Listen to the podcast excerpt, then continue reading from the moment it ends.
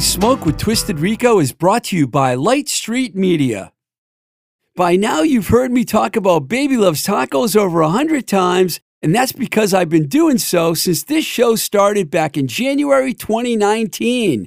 Zach, Cat, Kaz, the Sandman, John Sandy, and the rest of the crew at Baby Loves Family are the real deal when it comes to good food. If you live anywhere near the Pittsburgh, PA area, Visit their incredible shop at 4508 Liberty Avenue and check them out on Instagram at Baby Loves Tacos. Baby Loves Tacos, where everybody eats.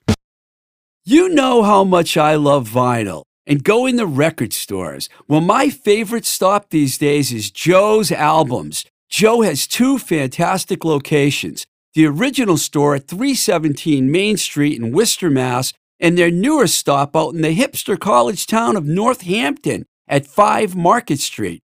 Both stores have a great new release section and huge assortment of used records. You want to check out some cool record stores? Check out Joe's Albums in Worcester and Northampton, Massachusetts.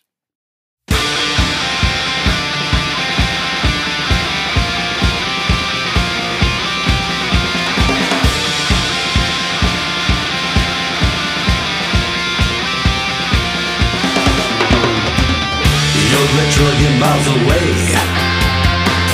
And I gotta get back to you. If I don't get home soon You might think I've gone astray. Made a wrong turn at the sun. And I miss your Milky Way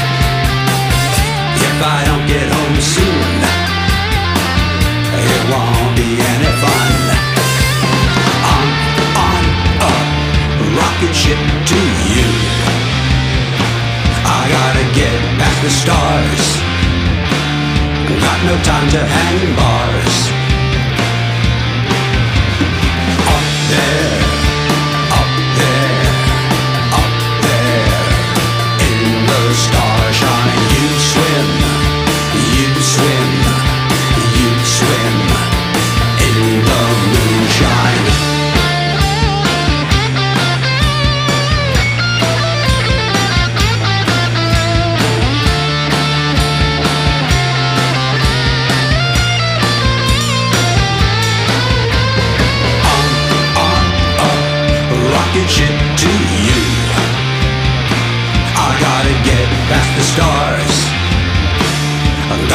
got no time to hang in bars.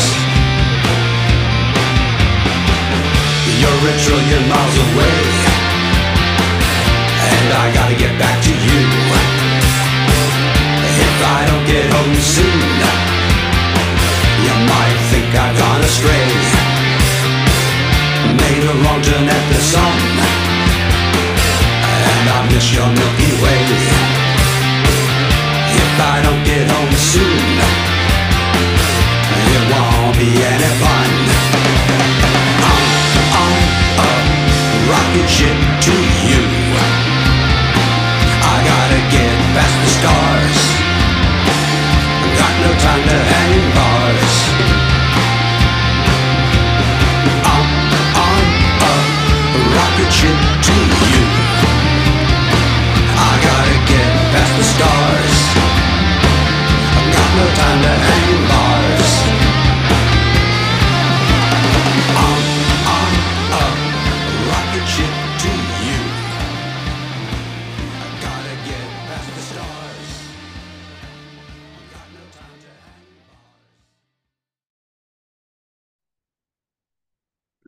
Welcome to Blowing Smoke with Twisted Rico. I'm your host, Steve Ricardo, and you just heard the fantastic new song, A Rocket Ship to You, from Rob Moss and Skin Tight Skin from the album Now with More Rockets. Today, we're going to play you an interview that we did with Rob, who has a really interesting story that I'm sure you're going to enjoy hearing. Rob was a big part of the early Washington, D.C. hardcore scene, playing with bands Assault and Battery and more famously Artificial Peace, who were one of the early DC bands that was playing gigs with bands like Black Flag and Bad Brains.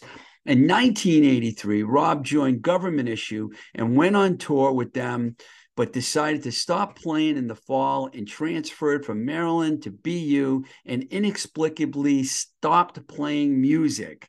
In 2016, after more than a 30 year hiatus, that's right, 30 year hiatus from music, Rob picked up a guitar and got back into songwriting.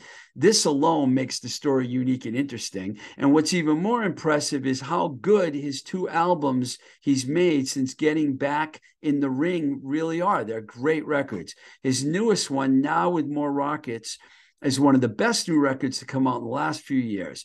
We had a nice conversation. And um, I don't know what more to tell you about it, except I'd like you to hear it. So here I am zooming up with Rob Moss. So, Rob, you were born in Boston and then you moved to Maryland. I mean, how, how did that all happen for you? Uh, it happened when I was about four years old. Uh, my dad got a job down in Maryland. We thought it'd be just a little while, and it turned out to be his entire career. What so, kind of, a, uh, if you don't mind me asking, what kind of a job was it? Was it a government job or something? He's a scientist. Yeah. Scientist. Yeah. Wow. And you were really young, so you pretty much grew up there. Yeah. I, I most of what I remember in Cambridge is like a sandbox and watching the trucks on Mass Avenue back then. Um, but that's about it. As far as D, uh, Maryland goes, where you were you were living pretty close to DC. Yeah, like a couple minute, you know, ten minute drive or so. Cool. And how, how old were you when you started playing? Did you start playing at a young age? Uh, I started playing, like, I started playing bass back in like 1979. So what I was, uh, what, 16 years old, uh, I guess in that range. Um, and then uh, started writing songs. Um, first songwriting partner was a guy named Brian Gay, who uh, we went to school together. Uh, he became the first bass player on Government Issue, and at the same time we, he was doing that, we were also doing a band together. Uh, we were first called the Indians, and it was uh, basically we're still in high school. Um, Mike Manos, who was in our art class, one day we heard uh, he Marginal his, Man. Later, Marginal Man, yeah. yeah. Before that, you know, some several several bands before that. Um, but it turns out his brother had a drum kit. He never played it. So we got Marc Alberstadt, the original drummer from GIs, to you know show him some pointers. And uh, Mike became our drummer. We had a, a, female vocalist who went to our high school. We uh, did a couple shows with her. Didn't really quite work out. And I remember this guy, a skateboard friend, this guy named Steve Polcari. Uh, so he said, "Hey, Steve, you want to sing?" And he he jumped at it, and then we became Assault and Battery. So you uh, you're like you're like jumping so far ahead of me right now. I love because I have all this stuff that I was going to ask you about all that, but that's okay. It's okay. Right. Sure. This. So, was anyone in your family like a musician, or did you just start playing because your friends were playing? Uh, a little both. My, my mom played piano. Oh, cool. And uh, like that, but uh, you know, you know, not really a, a, musician, musician like you know, as a you know professional musician. I, I know you know people whose parents or grandparents you know were professional musicians, and different story. And then, like you mentioned, you met your first writing partner was Brian Gay, who was the original bass player of Government Issue. And then you guys had the band called the Indians with Mike Manos. I had all that written down before you said it. uh, to talk about that early part for a minute, what was that like with your first band? What was that like with those guys? Uh, it's i mean being being in a band it's i mean people talk about it being like you're in a gang and it's like you right. against the world and it really feels that way and your first band or your first few bands it really really feels like that. Uh, and especially when you're in high school because you've, you've got a bit more time to deal with stuff like that. And in terms of life experience and things like that you know these are the guys this is what you're doing. Uh, but we never expected to you know make money at it or you know do, do any kind of you know it was just something to do it was fun um, was Assault and Battery um, with was it the same lineup as the Indians? Except for the vocalist.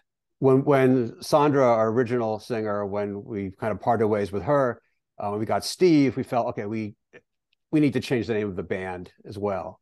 Assault um, and Battery. You went from the Indians to Assault and Battery. Isn't it funny how you come up with these names when you're a kid? well, the Indians were just completely you know irony. You know, it's like here we are looking like you know hardcore kids in 19 what 80, um, and just have this name, the Indians, for no reason, uh, just to mess with people. It's Uh, really interesting to me that you were really involved in the scene, like right at the beginning. Um, and I noticed, I read somewhere that Assault and Battery actually played a show with Minor Threat. That must have been pretty cool, huh? Oh yeah, I mean, it was actually it was a show that I put on. I, I arranged. It was at the uh, Bethesda YMCA at the what they called the Powwow House, which is like this little standalone building from the Y. It was like you know shaped in a circle, henceforth the Powwow House, and it was like a recreation center. And, and bands used to play there, mostly uh, bands that did covers, like they would play Ted Nugent and Rush and Lynyrd Skynyrd. So I contacted the woman who ran the thing and said, "Hey, we, we I have some I have a band and my friends have a band. Can we put on a show?" And she like, "Sure." So uh, we were we played uh, SOA played. Wow, Uh, really? oh, so you yeah. had Rollins and I, Ian MacKaye play a band, play with your band. Yeah, Wow. yeah. But but you know back then he was Henry Garfield. Yeah, Uh, right. so yeah, and then uh, the uh, Youth Brigade, the DC Youth Brigade, was, Yes.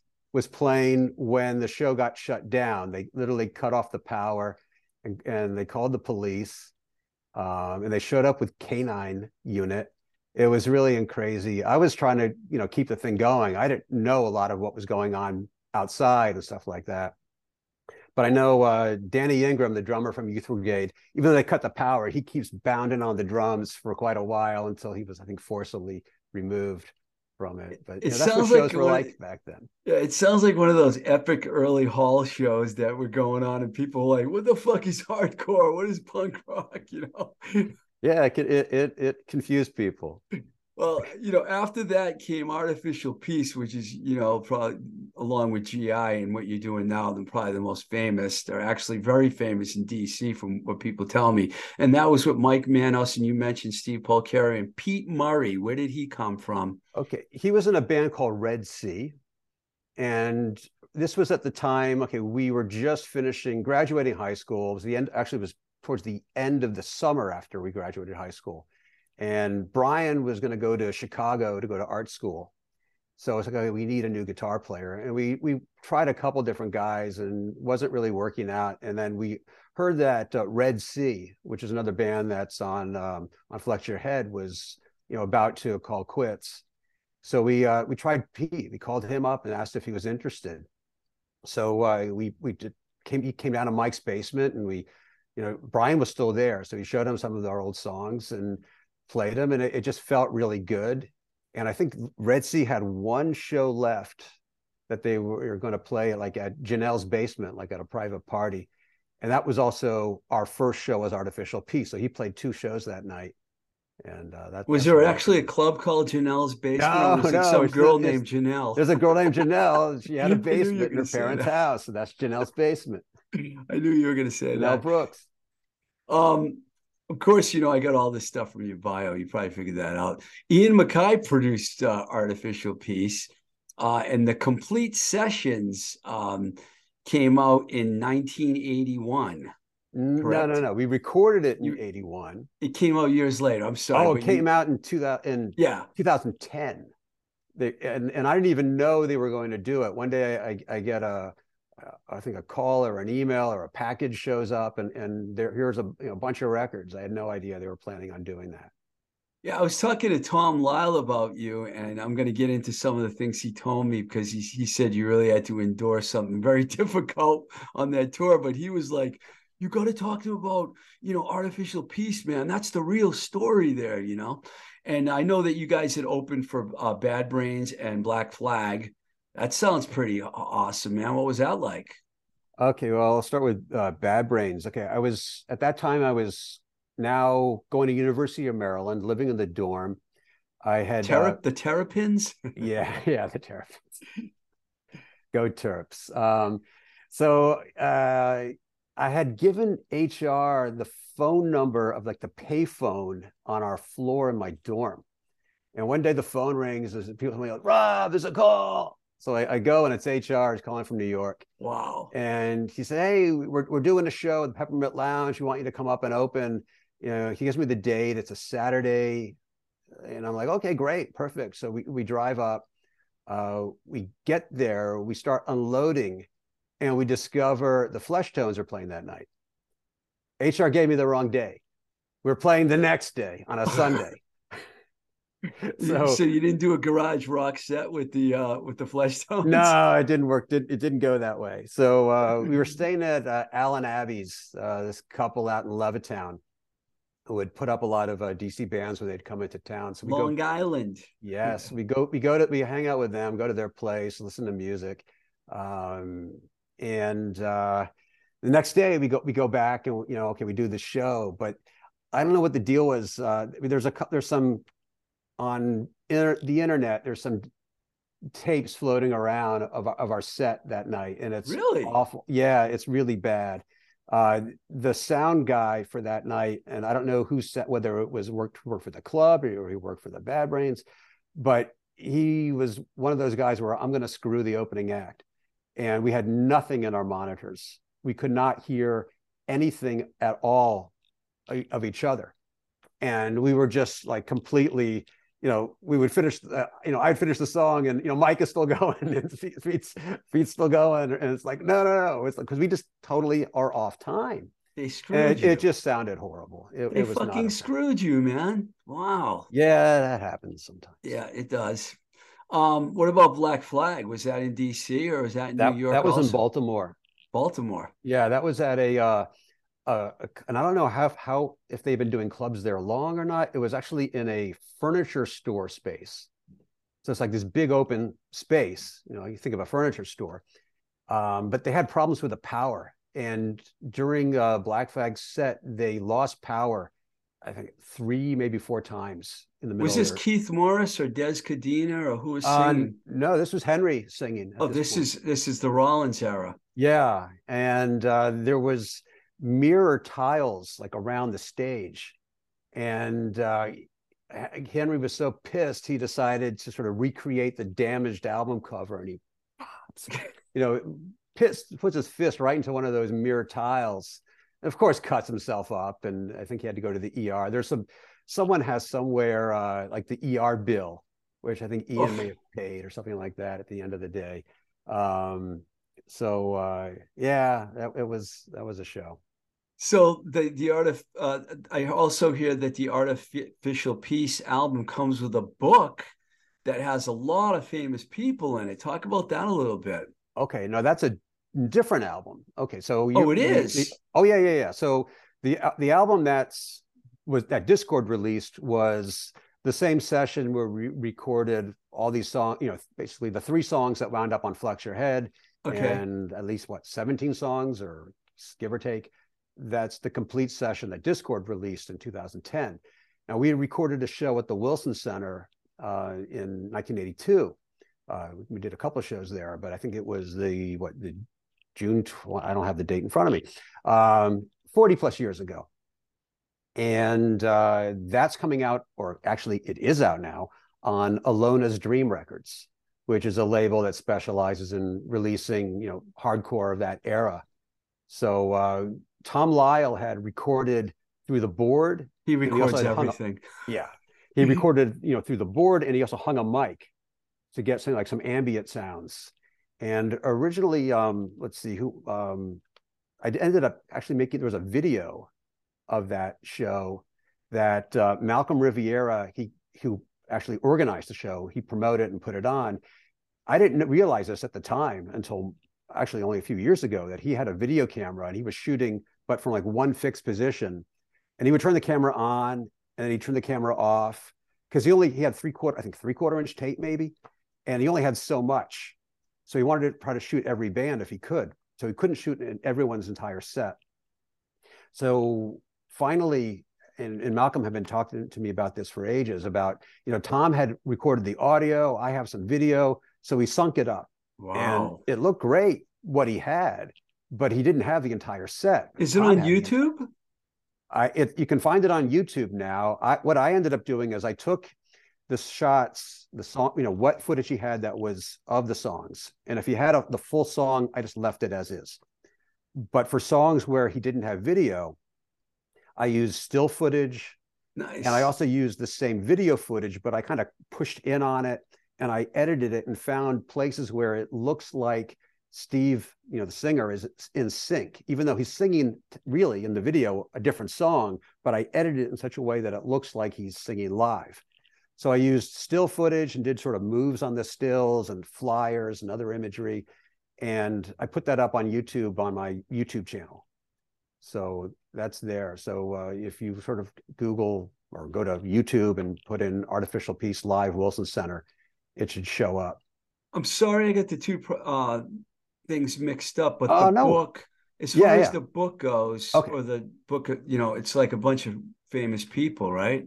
It, it's DC? essays of people who were in the scene back then, Yeah. um, who you know, you know, writing a piece on you know artificial peace, and uh, and then a bunch of Malcolm's photos from either the Wilson Center, HB Woodlawn, other places, and flyers and other ephemera. That's cool, man.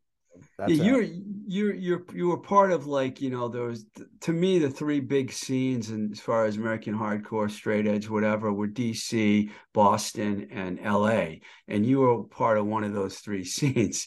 And you know th- they ended up all the people in this, those scenes ended up getting to know each other like really intimately because that's how the scene was back then. Because I remember going to shows and it was Mhm. like you knew when the bands were going to be playing at the KFC hall down the road, or you know, I forget the girl's name, the basement show, you know. But Janelle, yeah. so you're you're part of like a real important part of history. Let's talk about gov- your time in government issue. I reached out to Tom Lyle, who we mentioned, uh, and he said this is what he said: "quote The GI tour Rob was subjected to was grueling, a test of psychological and emotional endurance." Tom has a good way of like when I said, Tom, give me a quote on you know what how that how about Rob's time in the band, and that's what he sent me. and He's then right. he went on and talked about artificial peace. He's like, you got to talk about artificial peace. They were like one of the first cool bands, and he complimented you heavily, basically. That's that's great. Uh, yeah, it was um, it was a wild time, and it was just the four of us in John's dad's Buick.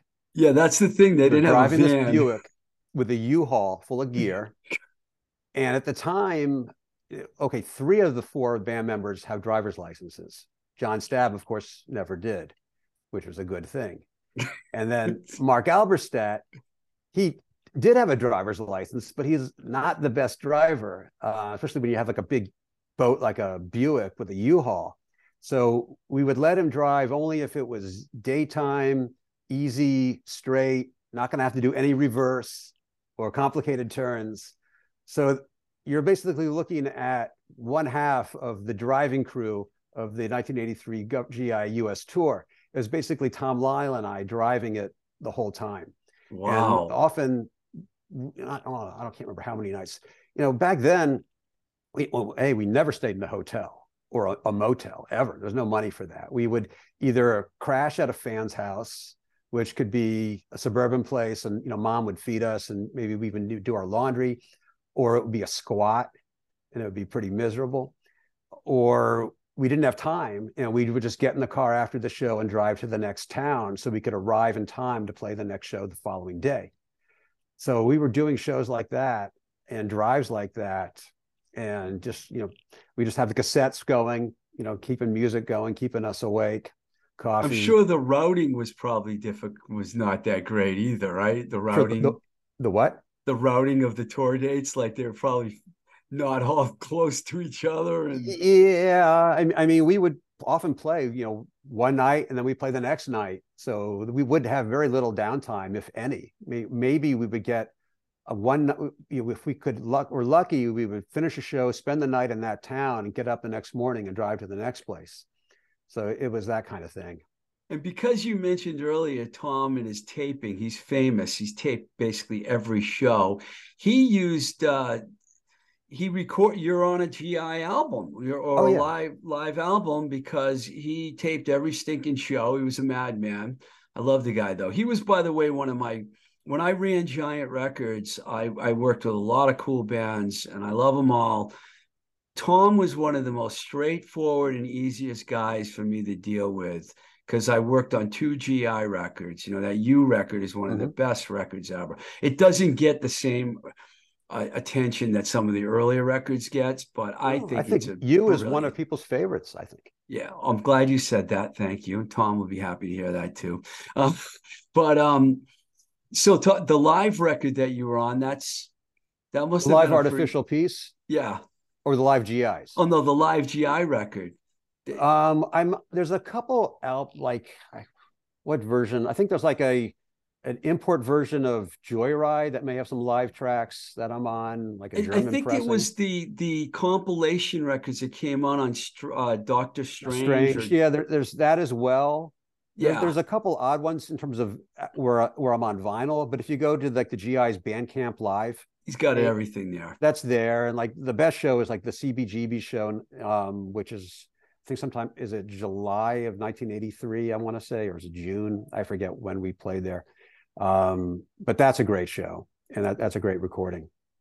Probably So- the best. Even though you were in the band for a short period of time, your memory of the band, their their memory of you. I didn't get to talk to Stabb, unfortunately, because you know he's passed away. But Tom had good things to say about you, and I thought that quote was fantastic. So now let me get this straight. Was it right after that that you took a 30 year hiatus from music? Uh, yeah, it turns out. Okay, you got a, you got a lot of explaining to do now, Rob. So what happened? You were part of a big scene. You were happening. You were in bands that were getting good gigs, opening for famous bands, and then you all of a sudden just said, "The mic's yours." Well, uh, mean, part of it was by 1983, I was kind of feeling it's just a the sound is getting repetitive to me.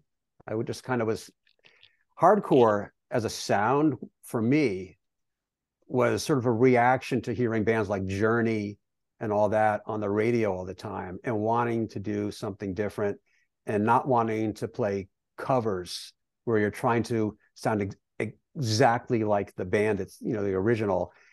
That to me was why we put out hardcore music. And after several years of it it just felt like why are people it's like i don't see the same kind of reaction to it. It's, it's like people going straight and it's the first thing they play and they're not really reacting to anything because they straight out the door could listen to you know whether it's black flag circle jerks germs all that stuff existed before they even started playing. So they didn't have that kind of we're sick of hearing journey on the radio wherever we go. We want to do something ourselves. So i, I couldn't really connect in a way with some, with uh, what was happening because it just felt i didn't feel like we were on the same plane.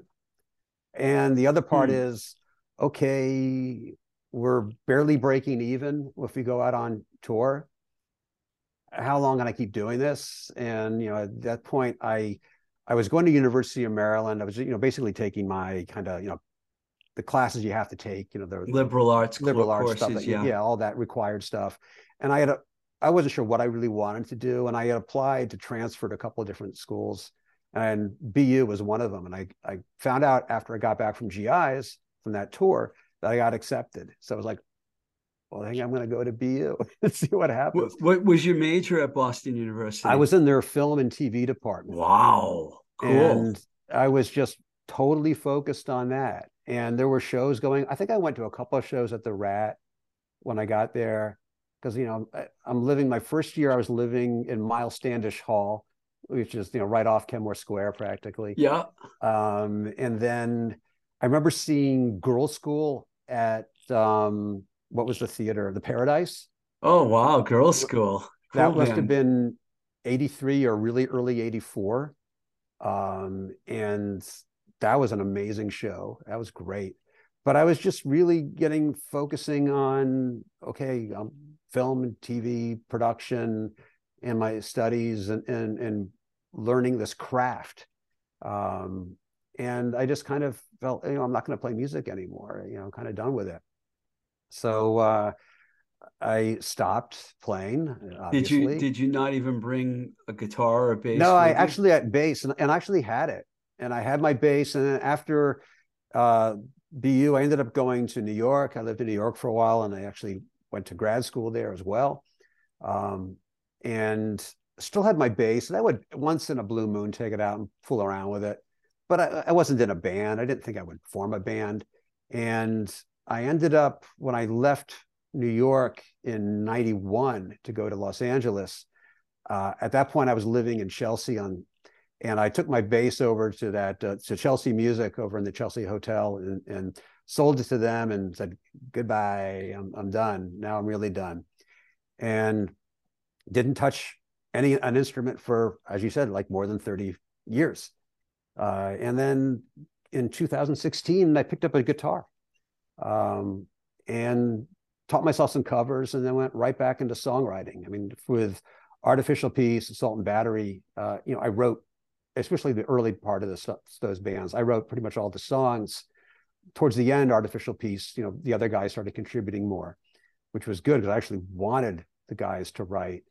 Uh, it wasn't good just being having one guy writing all the songs. Right. And mainly, I was doing that because no one else was stepping up early on, and it's like we need to we need more songs for the set. So I'll do it. So um, and I wanted the other guys, and I know Mike wrote some great lyrics and Steve started writing lyrics towards the end. And uh, anyway, so did, did songwriting. You, let me go back to New York for a second. How long did you stay in New York for? I was there from let's see, eighty five to uh, ninety one.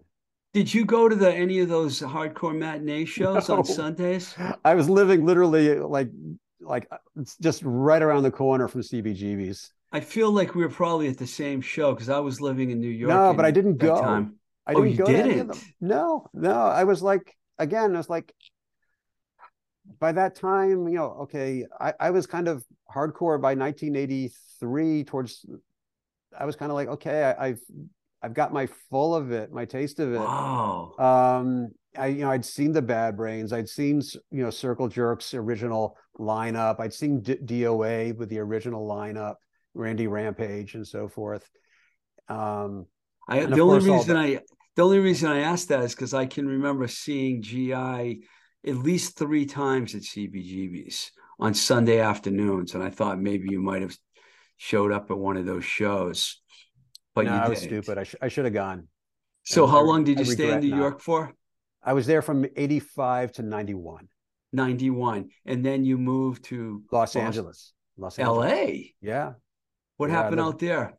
I worked in the film business, mostly doing music videos and some documentaries, spots, some no budget, low budget features, and just kind of getting beaten up in the film business. So. What, what, what aspect? Camera. Yeah, uh, camera. I was cameraman. camera and lighting.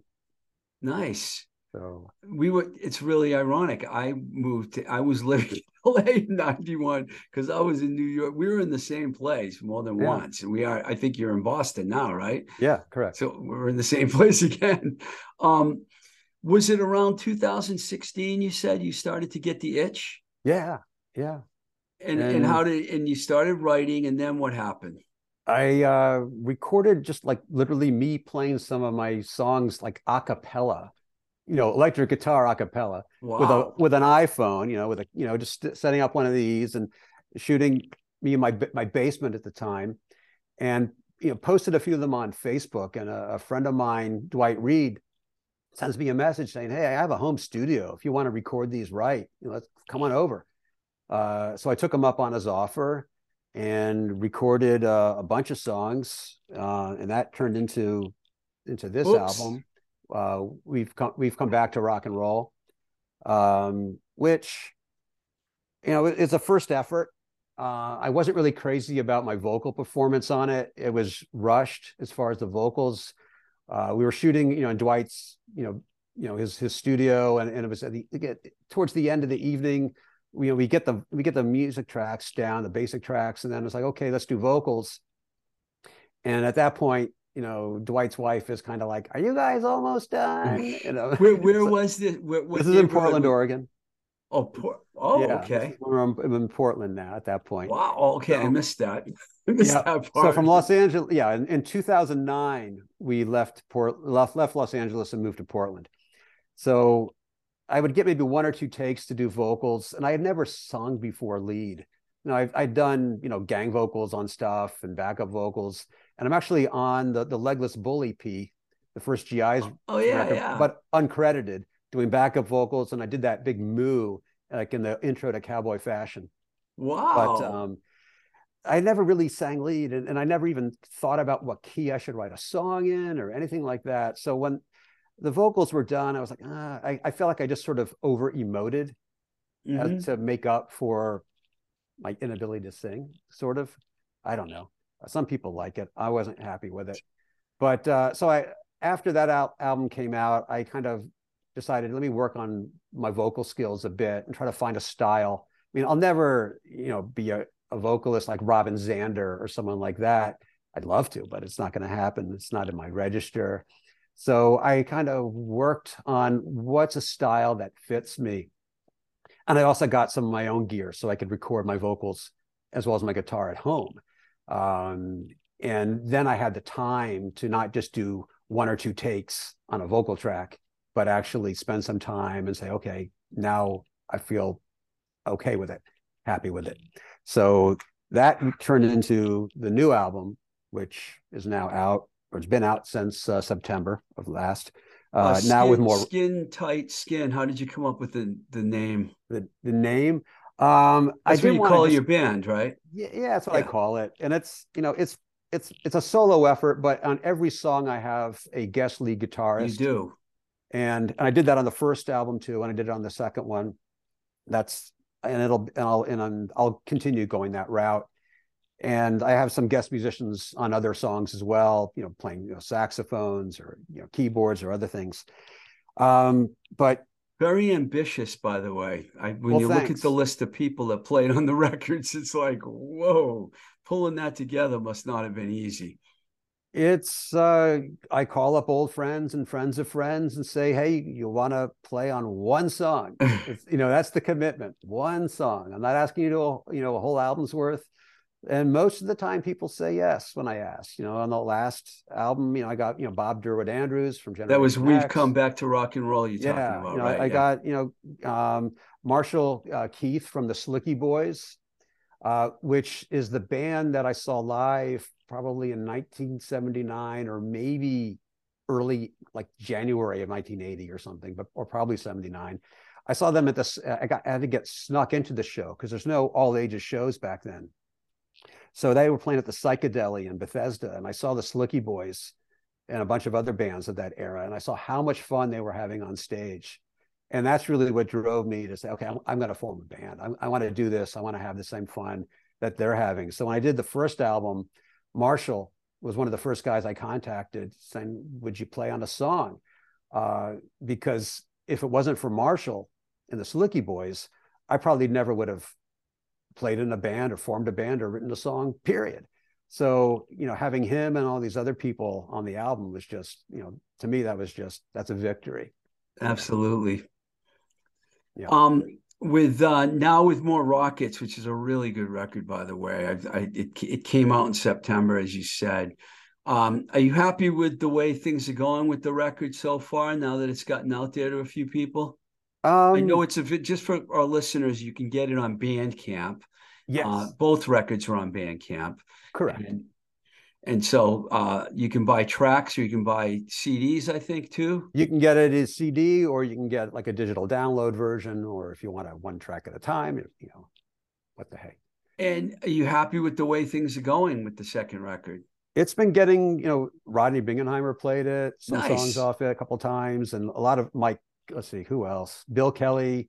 Uh, I love Bill Kelly, the black hole of rock and roll. Yeah. Um, there's so much. I mean, a lot of guys all over.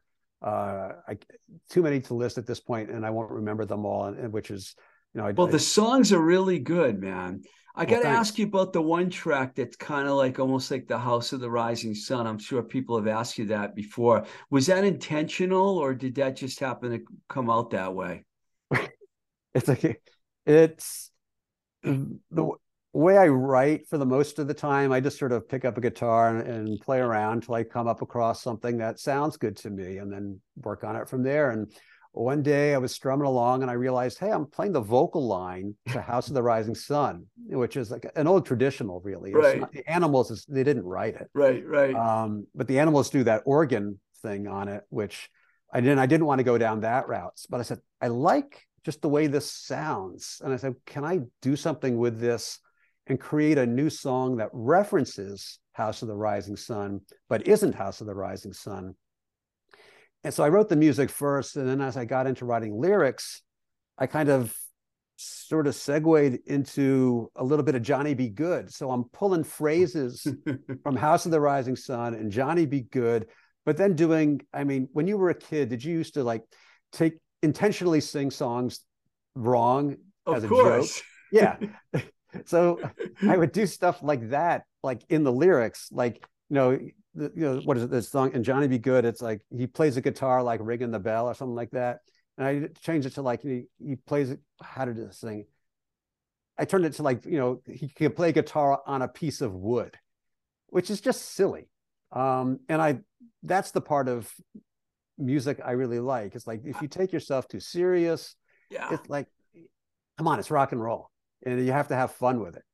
So, it's really uh, so i mean i mean i i to me it's you cover like it's a real hard it, i'd say it's more of a hard rock kind of record not metal but you know pretty guitar rock sounding far different than your hardcore roots but it's like in your face and i like it man the record's really good i'm glad people are playing it um what do you have future plans on what you want to do with the record? I mean, have you got any gigs? I mean, you're going to play? I mean, Uh, no, and I'm not sure. I mean, a you know the way I have a different guest lead guitarist on every song. If I was to play live, who who's in the band? You know, uh, certainly not all of these guys. Uh, they're not going to have the time for it. Number one, and, and just it, it's it's a challenge. It's a true don't- solo record, basically. It really is. Yeah. And honestly, at this point, uh, the songwriting and recording is what I really enjoy the most. Um, I don't know. Maybe it's my experience with a you know government issue, you know, U.S. tour, and, and and the idea of uh, going out and, and playing live again. I mean, uh, or or showing up at uh, the Peppermint Lounge because you know they told you it's going to be on Saturday and you find out it's on Sunday. But I don't. I'm not. I shouldn't hold that as a. But at this point in my life, you know, uh, I I like the songwriting. I like the recording. I'm not sure if I really want to get back. And, and this even before COVID happened, I wasn't really, you know, thinking, do I want to form, you know, a full time or even part time band and go out play live? It's a big commitment. It's like being married to four at least different people. oh yeah. It's Yeah. really, it's not easy. Do you live like in the city of Boston, or are you Okay. the? Well, well, right now in this background, we're- in a temporary apartment um, here in the Seaport section. oh wow. Yeah, so we're we're actually not going to be here much longer. We we got a place just north of Boston, about thirty minutes. North know, Shore. up. So uh, not the North Shore, but just but just uh, you know up a ways, a little bit out of town, and so we'll be moving in there next month. So uh, this is just I call everything place. north of Boston the North Shore. By the way, Oh, okay. to me. Danvers is the North Shore. You know. but uh yeah i mean i love anything north of boston to me is the best place to live in terms of massachusetts anyways Yeah. you know unless you can live on Mar- you know uh, martha's vineyard or the cape you know Yeah, sure. but um well that's good man. Well i'm glad that we got to talk. I, I do want to ask you one other question because i like to ask people listen you listen what are you listening to these days? Do you listen to a lot of music? Is there anything that's sticking out or and how Um, do you listen?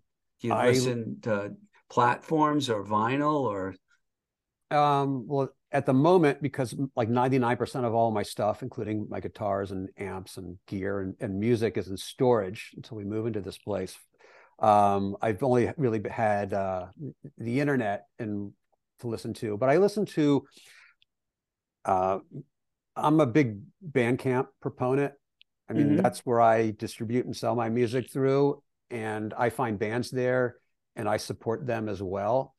Um, so when I spend money on music, I spend it through Bandcamp. Me too. I like Um, Bandcamp. Yeah. That's the way for me to go. I don't put my stuff on Spotify. I know some of my like artificial P stuff I think is on Spotify, but I think Dischord put that out there. I didn't. Um, so uh, like Sal Baglio, uh, who obviously you know, Amplifier Heads, and Sal plays. He's one of the musicians who plays on on the new album. Yeah, Um, Sal Sal brought me brought you up to me, and then when I figured out who you were, I was like, "What?" You know, because I was like, "That's Rob Moss that was in from DC," and I was like, "Wow!" It kind of caught me off guard a little bit, but Yeah, it's cool yeah, that Sal but- brought you up. Sal is a, a fantastic guy, um, total stand up dude. And um, uh, people like him are the people that I listen to. Uh, I, I like um, his, his buddy uh, Dan uh, with Dan Watts. Kopko, yeah. Watts. I think that album is it's up there. Your It's like a- music totally fits in with with Watts. Yeah, I mean, to me. I mean, my with with with this one and what I'm the sound I kind of go for, it's I'm not recreating it authentically, but it I mean, it's authentic to me, but I mean, but it's not like you know bands like like the Chesterfield Kings would play Right, stuff right. that sounds like 1966. I'm not doing that, but I'm trying to go for sort of a proto punk late 70s glam influence sound, which is the kind of music that got me wanting to play music in the first place. So I go back there when I think of music, when I write music, when I play music. That's the sound that means something to me. So that's where I go. Um, so that's the kind of stuff I listen to. You've totally accomplished what you tried to do. well, thank you. I appreciate and I it. appreciate it. Thanks a lot for taking the time to talk to me, man. Oh, uh, thank you. I really appreciate it, Steve. All right. Good luck, man. Thanks. So long.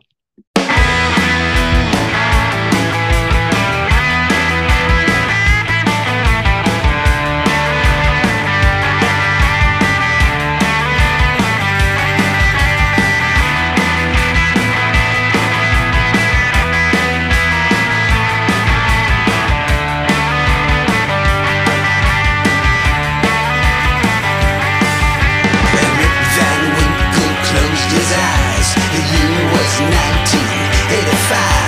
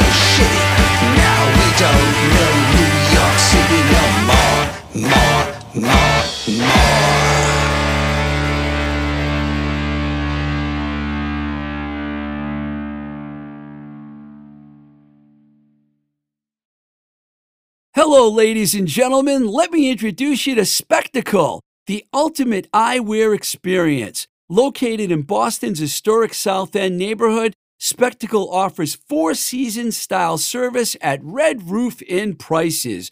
Join proprietor Paul Fox, the rock star himself, as he guides you through a carefully curated collection of logo free frames, all at under prices. Visit Spectacle, the ultimate eyewear experience. All right. Before you heard that Spectacle eyewear spot, you heard the track Rip Van Winkle 85 from Rob Moss and Skin Tight Skin from the album Now with More Rockets. Very impressive record from a very impressive dude, Rob Moss. Uh, head over to Bandcamp and buy his music. You will not regret it, especially this new record. It's really fantastic. Uh, Blowing Smoke with Twisted Rico is a free show supported by you, the listeners. And if you want to contribute to the show, there are two ways you can do that. We have a Patreon account, patreon.com forward slash twisted rico, or you can support us on Anchor, our homepage, anchor.fm forward slash blowing smoke TR. I want to thank, I want to take this opportunity to thank all the supporters of this show including Baby Loves Tacos, Joe's Albums, and Spectacle Eyewear, as well as everybody on the Patreon and Anchor pages. It's your support that keeps this podcast going. Also, if you're an artist, musician, producer, music writer, comedian, actor, sex worker, yes, We've had sex workers on the show, etc. And you are interested in coming on the show.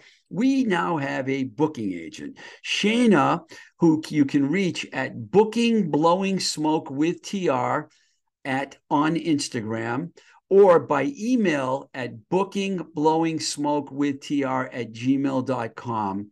You can reach her there if you want to book someone or yourself on the show. Uh, you should actually follow the Instagram page because we have some cool content on there as well. Some some of it's even different than on the regular Blowing Smoke with TR Instagram page or at Twisted Rico, which is my personal page that I post a lot of content as well on. You can also follow me on YouTube or follow us on YouTube and Facebook and of course TikTok. Yes, we're everywhere. Till the next time we say goodbye, this is Blowing Smoke with Twisted Rico. I'm your host, Steve Ricardo. Keep the rock and roll alive. Blowing Smoke with Twisted Rico is brought to you by Light Street Media.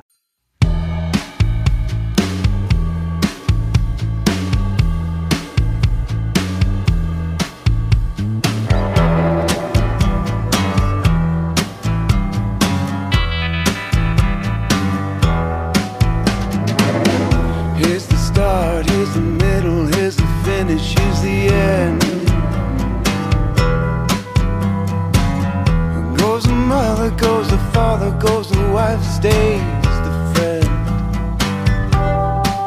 Got a bunch of cigarette burns in the back of my head. Bunch of cigarette burns in the words I've said. If I die tonight, all the hand inside and know that I was never meant for life.